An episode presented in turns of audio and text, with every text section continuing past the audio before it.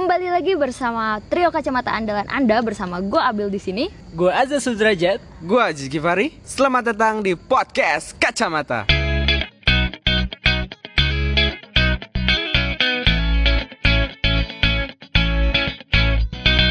Assalamualaikum warahmatullahi wabarakatuh. Hore, akhirnya kita bisa bertemu meskipun tidak bertatap muka.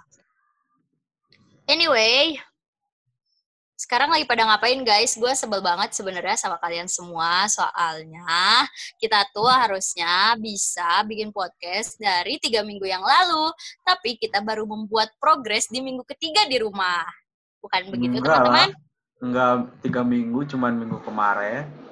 Hari apa ya? Gua pas masih di Bandung sih. Enggak jadi sih aja situ. Memang lagi repot soal COVID, bro.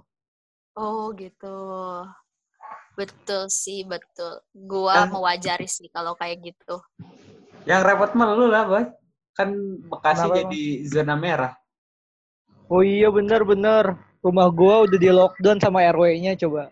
Nah, Lu gimana mudik tuh? kapan? eh jadi di karena pemerintah pusat nggak boleh lockdown ya, Iya. Kan PSBB tuh ya. Nah, eh, pemerintah lokal di daerah gua itu khususnya Pak RW, Pak RW itu dia berinisiatif menutup semua akses jalan untuk ke RW gue. Hmm. Alhamdulillah. Terjadilah do lockdown. Ya iya sih, jadi maksudnya pinter sih ya RW-nya ya gitu. Sudah teredukasi berarti RT RW lu. Iya. Tapi yang pusat malah nggak nggak lockdown ya? Apakah Iya, dia ya. teredukasi? Nah, itu gimana Eh, ya? By the way, ente posisi lagi di mana, Jat? Sekarang masih di Bandung berarti. Gue masih di Bandung sih, karena beberapa kerjaan gue nggak bisa ditinggal gitu sih. Kalau Wah lu gila sih. Jadi lu masih jadi lu masih bolak-balik kantor. eh sometimes kayak misalkan ada rapim gitu-gitu ya, Heeh. gue harus face to face karena kan ini ya dinamis ya kalau rapat-rapat begitu ya. Gue kira udah dari lama lu di Bekasi, ternyata lu pada masih di Bandung ya. Kalau Jis kan emang di Padalarang ya Jis. Hmm, minggu kemarin minggu kemarin sempat ke Bandung. Terus Ah. karena mendapat kabar yang wah ini udah makin bahaya nih di Bandung. Udah Ah. gua akhirnya balik ke Padalarang karena stok logistik semakin menipis ya. Jadi- Menipis. Hmm, jadi gua memutuskan untuk balik ke Padalarang. Oke, berarti sekarang lu di Padalarang.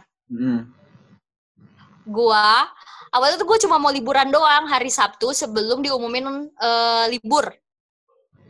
Yang kita habis rekaman terakhir itu loh, hari Sabtu kan ya?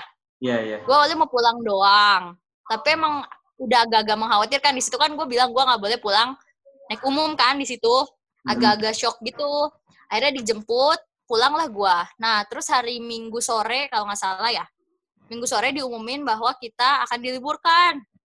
Dari kampus. di kampus ya kan? Nah eh ya udah akhirnya gue ya terpaksa lah. Ya udah di rumah mau gimana juga masalahnya. Tapi gue pulang tuh tidak ada persiapan untuk bawa segala barang gitu laptop aja gue tinggal. Gue kan ngira Senin atau Selasa gue udah balik lagi karena gue udah ada udah ada harus beraktivitas lagi lah Senin dan Selasa. Akhirnya hari Rabu apa hari Kamis gitu gue ke Bandung lagi malam-malam Hmm. eh, naik mobil buat eh, sepupu gua sekalian juga dia ke Unisba kan ngambil buku-buku kuliah mau UTS terus gua ngambil laptop dan barang-barang yang dibutuhkan gitu terus jadi udah deh gua nggak balik-balik lagi ke Bandung semenjak itu gua stay di Garut gitu Berarti udah tiga Garut minggu juga ya? kabarnya di lockdown ya. iya Garut di lockdown Garut lockdown sih Ta- cuman tapi, ini eh, kecamatan gua termasuk kecamatan yang zomer gitu jadi nggak boleh keluar Oh. tapi meskipun Bandung Barat deket sama Bandung, di apa di daerah gue ini aja loh rame-rame aja loh. Eh, Sama. eh. Nah, itu adalah tanda-tanda awal di mana COVID akan paling berbahaya di situ. iya betul Ya tapi karena mungkin apa ya ekonomi mungkin ya jadi ya orang-orang ya udahlah daripada nggak bisa makan. Kepaksa mungkin. lah, masih harus kerja gitu ya, cari Ah. makan. Meskipun kemarin Iya. sih pas hari apa ya, hari Jumat kalau nggak salah ada dari RW tuh mintain KTP kakak katanya dikumpulin buat yang dapat 500 ribu itu dari RK. Oh, gitu. Oh. Pengen tahu Wah, sih. enak juga. Kok gua di sini nggak ada ya? Ya tapi nggak tahu sih katanya gua. cuman cuman sedikit doang yang dapatnya. Oke. Terus aktivitas punya info- kalian ngapain aja jadinya? Selama Eh, eh, mengkarantina diri. yang pasti gue sih ini WFH lah. Yalah. Tapi teman-teman gue yang kayak kerjanya tuh eh di training education gitu kali ya. Karena nggak ada yang training di Jakarta hari-hari gini kosong. Dia cuma kayak sekali-kali disuruh bikin materi doang. Terus bener-bener WFH dan tapi gajinya ngalir gitu. Enak banget ya. Gue baru ngerasa pertama kali gue kayak pengen kerja kalau kayak gitu kerjanya. Tapi yang kasihan itu ini anak-anak event kan banyak banget tuh event di Iya. Jakarta yang di cancel, di postpone. Betul. Betul. nah Temen iya. gua punya yang punya WO juga jadi banyak banget dibatalin. Kasian sih. Lagi kan sekarang musim nikah, guys. OTW Ntar, OTW iya. Syawal. ntar nanti lihat nih Sawal Attack apakah tetap menjadi Sawal Attack atau pada menunda nikah. Enggak, Ya. temen gua temen gua banyak yang akhirnya memutuskan menikah sekarang. Tetap terus makanannya pakai kayak nasi box gitu. Tuh kayak kayak selamatan sunatan-sunatan gitu berarti ya. Nggak apa-apa, yang penting berkah. Yang penting berkah ya, guys. Tuh, Jis, ini adalah waktu Anda untuk membuktikan bahwa resepsi sederhana itu bisa. Bisa, betul. Ayo Jis. Teman kita juga ada kan yang nikah di Garut? Ah, Oh iya. ada? Ada. Tapi gua nggak Bentar, dateng, mikir guys. dulu, Karena bener-bener ya? Ada. Lu, Bil. Lu di Garut, Bil. Gue kok curiga, Bil. ya. Iya, gua nggak dateng, guys. Maaf ya. Maaf ya temen gua yang itu. Eh, terus apa lagi ya? Oh iya Bill, beberapa minggu yang lalu kan lu sempat update ya tentang bikin APD manual gimana tuh? Iya, jadi kan gue tuh sebenarnya rumah gue tuh deket banget, kayak cuma jarak 10 langkah gitu dari rumah sakit kecil. Rumah sakit kecil punya om gue. Jadi di sini tuh kekurangan APD dan dan gak cuma di sini doang kan tante gue juga eh ini kalau mau kalian lihat ya di podcast sebelah gue mau wawancara kepala puskesmas gitu dan di sana tuh nggak ada nggak ada APD sama sekali dan tante gua bolak-balik masuk ke ruang isolasi itu pakai jas hujan gitu. Jadi bikin-bikinan lah di rumah kita sama sepupu-sepupu mencoba untuk memproduksi. Tapi ya cuma satu doang ujung-ujungnya. Sisanya kita belum bikin lagi karena eh yang dibutuhin sekarang belum itu banget sih. Terus kan yang jadi masalah adalah sekarang kan rapid test sebenarnya harusnya udah masuk ya ke puskesmas-puskesmas. Nah, di Garut itu ada beberapa puskesmas yang tidak melaporkan hasil PDP dan ODP sehingga dia nggak dapat rapid test harus ikut gelombang selanjutnya buat dapat rapid test itu Nah, sebenarnya kalau misalkan bicara soal rapid test ya, kalau misalkan tadi pertanyaannya adalah puskesmas itu kenapa nggak dapet rapid test? Karena nggak melaporkan ODP. Nah, itu teh salah menurut gua tuh.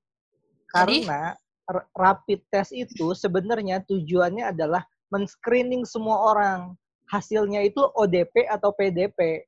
Gitu. ya iya kata kata tante gue juga gitu cuman yang didahulukan itu karena emang terbatas rapid testnya cuy Iya iya. yang didahulukan itu Nah, itu yang dia. udah ada ODP sama PDP-nya gitu karena dia tidak udah mana dia teh tidak melaporkan gitu akhirnya dia tidak jadi prioritas sehingga nggak dapet rapid test gitu itu dia sedih Agak beneran dilem- beneran pakai jas hujan ke mana-mana dan maskernya tuh sampai dicuci tiga kali gitu loh masker dicuci tiga kali masker yang itu masker medis Yang sensi itu. ya Bukan, bukan. tiga Yang bedah kali. ya. Oh. iya yang bedah makanya kemarin pas kalau lihat itu kan apa namanya yang kata dokter Tirta ya udah Ah. lihat nggak sih kalian Iya iya. yang ada tutorialnya gitu pakai masker kain aja gitu. Nah sekarang udah lumayan banyak sih. Gue sampai kayak sedikit sosialisasi gitu ke pasar. Kan banyak tuh orang-orang pasar yang buat masker-masker kain jadinya. tapi gue sosialisasiin buat bentukannya tuh harusnya kayak gitu tuh kan beda ya sama masker kain yang biasa kita beli tuh jadi Hmm. ada lipetan keduanya terus bisa diselipin ininya dalamnya Oh. bisa di, diselipin tisu. Cuman emang pengap banget sih gue juga udah nyoba ngap banget. Pakai tisu di dalamnya lagi. Better dibanding masker medis malah kita pakai gitu. Jadi sayang kan orang-orang yang justru lebih butuh gitu. Gue pun menjaga jarak banget gue jarang banget keluar rumah karena depan udah langsung rumah sakit gitu. Kalian gimana guys? Tapi rumah sakit yang lu itu nanganin COVID atau cuma nanti PDP ngerujuk aja? PDP ODP PDP ODP enggak enggak enggak, enggak nanganin PDP ODP gitu ada Tapi ya ngomong-ngomong ODP PDP, kemarin kalau nggak salah gue lihat di Kumparan apa di mana gitu. Jadi Yep. kata Emil setelah ada eh, masif tes itu, ternyata di Jawa Barat nambah kasus sekitar 600 gitu baru ketahuan. Kalau nggak salah ya. Itu yang ketahuan atau justru karena ada rapid test jadi nambah atau yang ketahuan itu. setelah rapid test Yang apa yang gara-gara ada masif tes itu, jadi Oh. datanya datanya jadi nambah jadi segitu kalau nggak salah. oh Iya wajar sih karena karena logikanya adalah eh, ibaratnya lampunya baru dinyalahin gitu. Mm, mm. Oh, oh, oh. Jadi misalkan kalau misalkan di awal eh, kita masuk ke sebuah ruangan yang gelap, kita cuma ngelihat eh, gagang pintu aja kan, sama pintu Betul. yang habis kita buka. Kita nggak lihat itu eh, apa benda-benda yang jauh di sana gitu. Padahal ada gitu kan. Tapi ketika eh, lampu itu dinyalain, jadi kelihatan oh ada bangkunya, oh ada mejanya begitu. Ya wajar sih. Tuh, ini gue nih lagi buka laptop. Kebetulan ada di Tempo. Katanya Kang Emil kaget gitu. Ada sekitar 300 orang di Sukabumi yang setelah masif tes itu ketahuan. Gitu. Tapi kan sebenarnya yang rapid test itu belum menunjukkan bahwa dia positif kan ya. Ada beberapa ta- tahap habis rapid terus apa swab ya. Nah, Iya. sebenarnya betul betul. Jadi eh, rapid test itu dia cuma tes awal. Jadi belum belum terlalu valid gitu. Paling cuma 70%, 80%. betul Nah, kalau misalkan mau yang lebih validnya itu adalah pakai swab SWAB. Nah, swab itu Hmm. adalah metode eh, metode laboratorium ya, yang kemudian pakai alat namanya PCR. Jadi kelihatan tuh DNA-nya, DNA si siapa? Si cairan tuh kelihatan gitu. Oh, ada ada si ada si virusnya atau enggak. Begitu. Tapi yang jadi masalah alatnya itu sangat terbatas, cuma ada di rumah sakit-rumah sakit besar dan Hmm. cuma ada di laboratorium-laboratorium yang hari ini itu salah satu laboratorium rujukan paling nasional adalah tempat gua kemarin lamar kerja, Bro. Eijkiman Ya, Eijkman ya. Eggman. Ya. Tapi ya sih Indonesia tuh telat buat masif tes sih kayaknya. Bukan kalau menurut gua bukan telat masih tesnya, Bro ya. Tapi telat segala-galanya sih Oh menurut iya gua. iya iya. Harusnya kan dari Februari mereka sudah ancang-ancang ya. Mhm. Satu. Mau bagaimana Kemarin- nih? Kita mau mau tes masal ala Korea Selatan Ah, atau mau mau apa? Mau otoriter kayak gaya-gaya yang Cina. itu kan di podcastnya siapa Deddy Kobuzer, Anies udah bilang kan, kalau Yeps. Jakarta Jakarta udah mantau sih dari Januari katanya, udah Ya. nyiriin orang-orang yang datang dari luar negeri mana, yang dari daerah apa ya, yang zona merahnya corona di mana gitu. Cuman ya yang teman-teman lihat sih di berita bahwa Menteri Kesehatan eh, denial gitu bahwa ah nggak akan kuat lah virus ini di Indonesia. Hmm. ih gendeng banget emang sebel Tapi di di tengah-tengah eh apa pandemi ini Indonesia ada-ada aja ya. Ada yang mau ngebebasin 30 ribu napi, Nah, itu. ada yang diam-diam mau ngesahin omnibus law Kayak aji mumpung gitu ya. Ah, penunggang gelap corona Cuma cuma yang gua yang makin lucunya lagi tuh ya.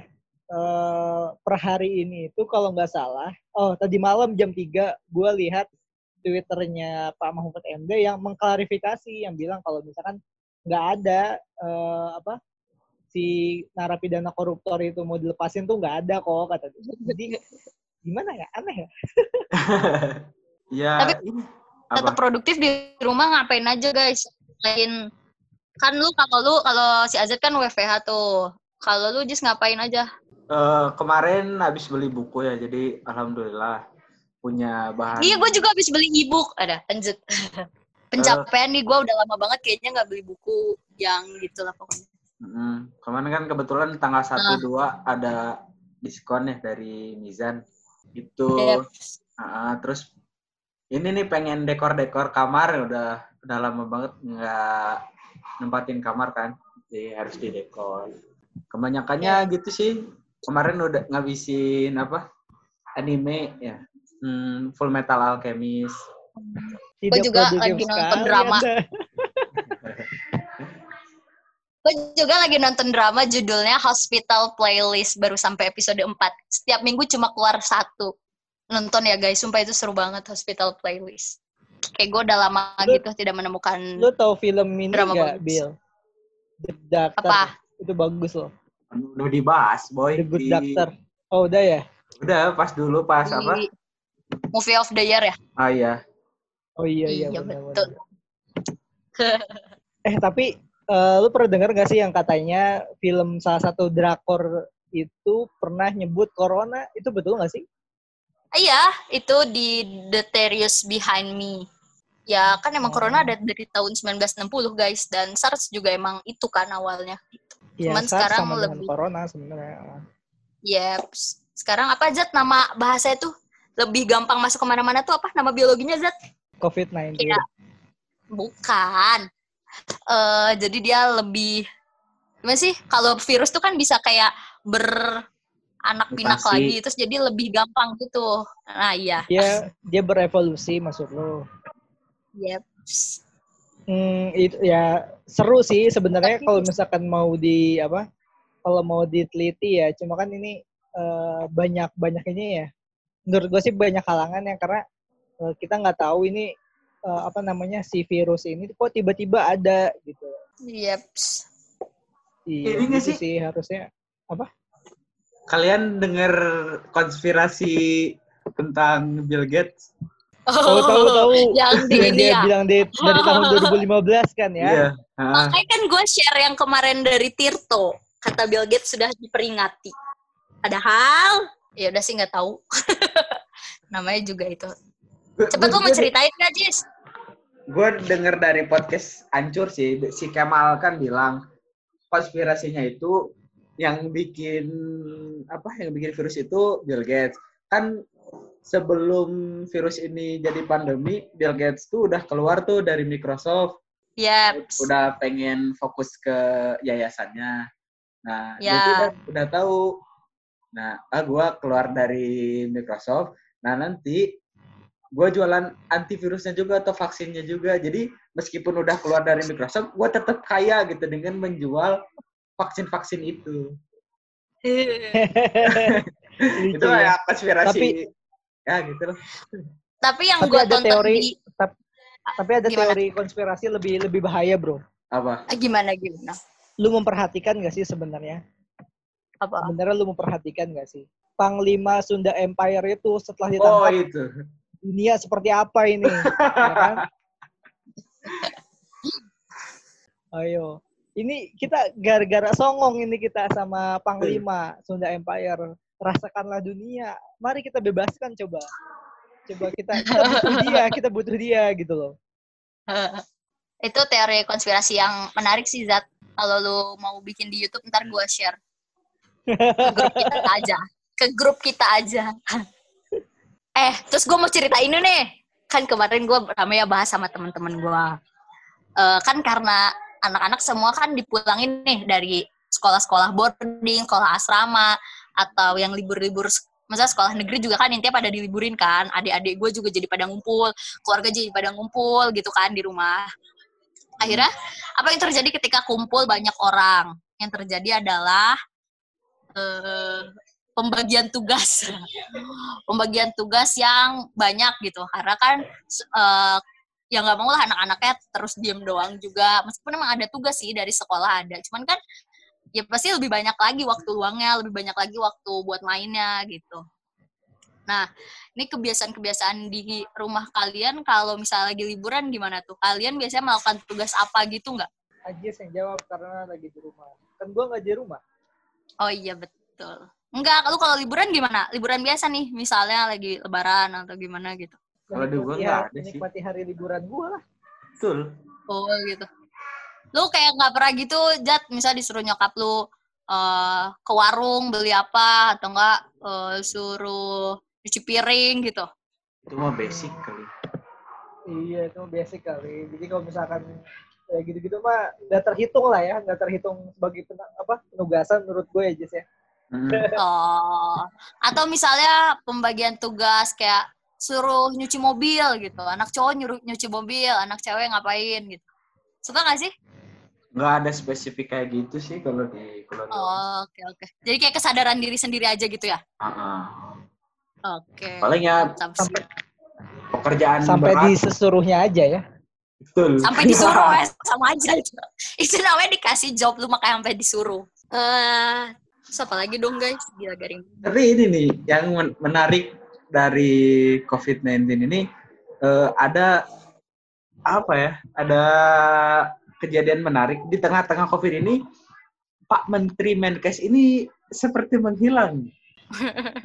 tidak terlihat gitu ya jubir Hmm. jubir covid doang yang ngomong dan kalau ngomong suka kadang nggak dipikir dulu lagi Iya betul. ya gimana ya tapi ya gimana ya gue gue lagi merindukan Bu Siti Sri ya yang- Siti Nurfadilah ya yang Hmm. itu ya zaman SBY ya. iya Ah. zaman SBY gue masih ingat ketika dia yang mengomandoi sendiri eh, flu burung ya Heeh.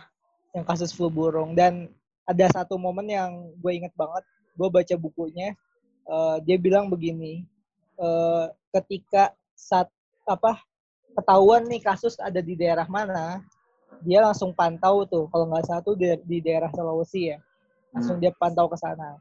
Terus tiba-tiba dari WHO tuh bilang gini bikin statement. Kalau misalkan di Indonesia virus flu burung ya, virus H, H5N1 strain Indonesia itu ternyata bisa menularkan antar manusia.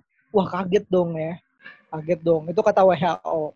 Nah, terus di langsung tuh diteliti sama Bu Bu Menkes gitu. Hmm. Kan doi kan peneliti ya, peneliti dosen dan dokter juga. Dan dia meneliti, dia bilang dia logikanya logika penelitinya tuh eh, cakep bener gitu ya. Dia bilang gini, kalau misalkan eh, apa si H5N1 flu burung strain Indonesia itu eh, menularkan menularkan antar manusia, pasti yang paling rentan dan yang paling pertama kali ketular adalah tenaga medis kata dia. Hmm. Tapi eh, faktanya adalah di daerah situ tenaga medisnya sehat-sehat aja. nggak kena Artinya Ah. artinya statement WHO itu hanya bualan belaka dan langsung disurati WHO-nya sama Bu Siti dan itu dia dia nggak suka dan dia, dia langsung protes gitu. Keren banget dia suka. Dan Ya. itu kasus pertama gitu loh maksudnya. Dia langsung langsung backup gitu loh. tapi sekarang kayak nggak ada kebijakan yang tegas terus katanya mau banyak berapa berapa triliun sih yang kata mau digunakan buat bantuan itu loh tapi itu nggak ada programnya ya nggak sih maksudnya ada dananya dananya ada tapi programnya nggak ada. Jadi malah ada is gitu loh kebalik gitu kalau menurut gua sekarang misal pemerintah mau menggulirkan dana tapi programnya apa sekarang di saat lagi kayak gini gitu. Hmm. Dan terus mekanismenya seperti apa operasionalnya seperti apa? Nggak ada nggak jadi kayak kayak gini deh kita tuh kayak siapa ya kemarin gue baca di mana ya? Di twitter apa? Eh kayak kita tuh punya wo duitnya banyak wo nya tapi nggak bisa ngelolanya gitu ada duit ya cuman wo gede tapi yang nggak bisa ngelolanya jadi ya kayak gini kita kayak menyia-nyiakan uang aja gitu Iya dan kalau dari tempo lagi nih, katanya yang dibutuhkan sama Indonesia sekarang itu adalah kepemimpinan. Karena krisis kepemimpinan di- di tengah-tengah pandemi ini. Betul. Ada yang bilang eh, keputusan kayak gini dibantah sama menteri yang lain. Ya. Sa- apa ya? Saya bimbang gitu mau pilih keputusan tuh. mau betul. Terus kalian ngeliat nggak sih ada kayak peluang-peluang apa gitu setelah ada pandemik ini di Indonesia? Kalau sektor yang paling pertama kali rebound ya pasti ini sih pariwisata terus Mm-mm. Mall hiburan ya yang gitu gitulah pasti orang-orang itu kalau pandemi ini selesai nih pasti ngejarnya yang eh, hiburan-hiburan sih jadi Iya. di sana bak- bakal banyak peluang Ini menurut kalian bakal sampai kapan nih kita eh, bertarung dengan COVID-19 ini? aja terus hidup gak sih Ah iya. Ah. Eh, waktu gue masih satu menit lagi, Bray. Sampai jam 17. Lu juga Lu kan? di laptop, kenapa nggak di HP aja sih? Enggak lanjut lanjut Enggak, jadi maksudnya sampai jam 17 kuota gue mati deh. lu Jis, ada nggak masih, Belum, emang lu nggak ada? hah ada, ada. Ini udah jam 5, Jis. Gimana, Jis? lu lah lu yang yang limit gua mau udah ditukerin nih untung gua masih ada di kartu satu lagi sih Masih ada kuota Pakai ini nggak sih? Ada yang harian gitu loh, Za, 3000 dapat 3 giga. Jis, hadir hadir kayaknya Halo? sih halo si Azad mati. mati kayaknya tapi punya gua masih Mati ada kan Masih. Azad juga di gambar gua masih ada. ya, masih ada sih di gua juga Azadnya nggak ada Jis gitu. oh udah nggak ada nggak apa karena si Ajat udah nggak ada paling Hah? paling ini aja eh apa sih namanya closing statement dari lu. Ya, dari gue ya. Eh gue senang sih kita bisa berkumpul melalui aplikasi Zoom ini. Em, ya semoga hasilnya bisa cukup bagus untuk di posting, oke? Eh, terus gue ada titip-titip pesan nih buat teman-teman yang di rumah eh, supaya gimana ya gue juga ngerasain banget sih bosen. Apalagi kita yang mungkin sering di rumah di, di luar rumah sering main keluar. Intinya tetap bikin supaya rumah itu nyaman dan kita nggak keluar keluar gitu. Kalau bisa ya punya workspace sendiri lah buat kerja. Atau banyak masih banyak sih kalau butuh permainan-permainan. Gue juga banyak permainan-permainan yang bisa dilakuin bareng adik-adik dan keluarga supaya eh, produktif dan eh, bisa makin eh, apa eh, quality time dan quantity time sih sekarang ya nggak sih? Kapan lagi gitu kan. Nah ya udah dimaksimalkan aja. Terus eh, menurut gua nih ya setelah pandemik ini berakhir sebenarnya banyak peluang-peluang yang bisa ini gue mengutip dari Instagramnya Mardi WP ya. Banyak banget yang bisa kita lakuin apalagi sebenarnya UMKM tuh bisa maju banget gitu Jis yang gue denger sih. Kalau emang penanganannya bener dari pemerintah.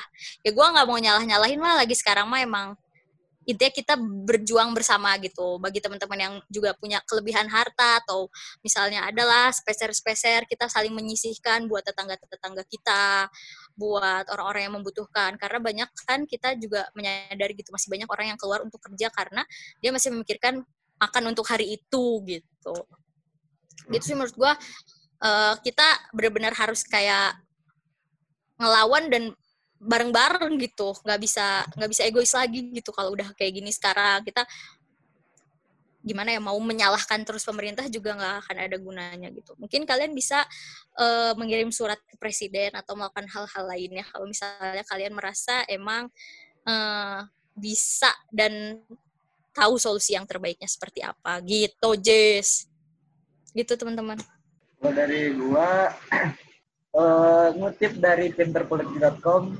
Corona hadiah yasana untuk narapidana. Assalamualaikum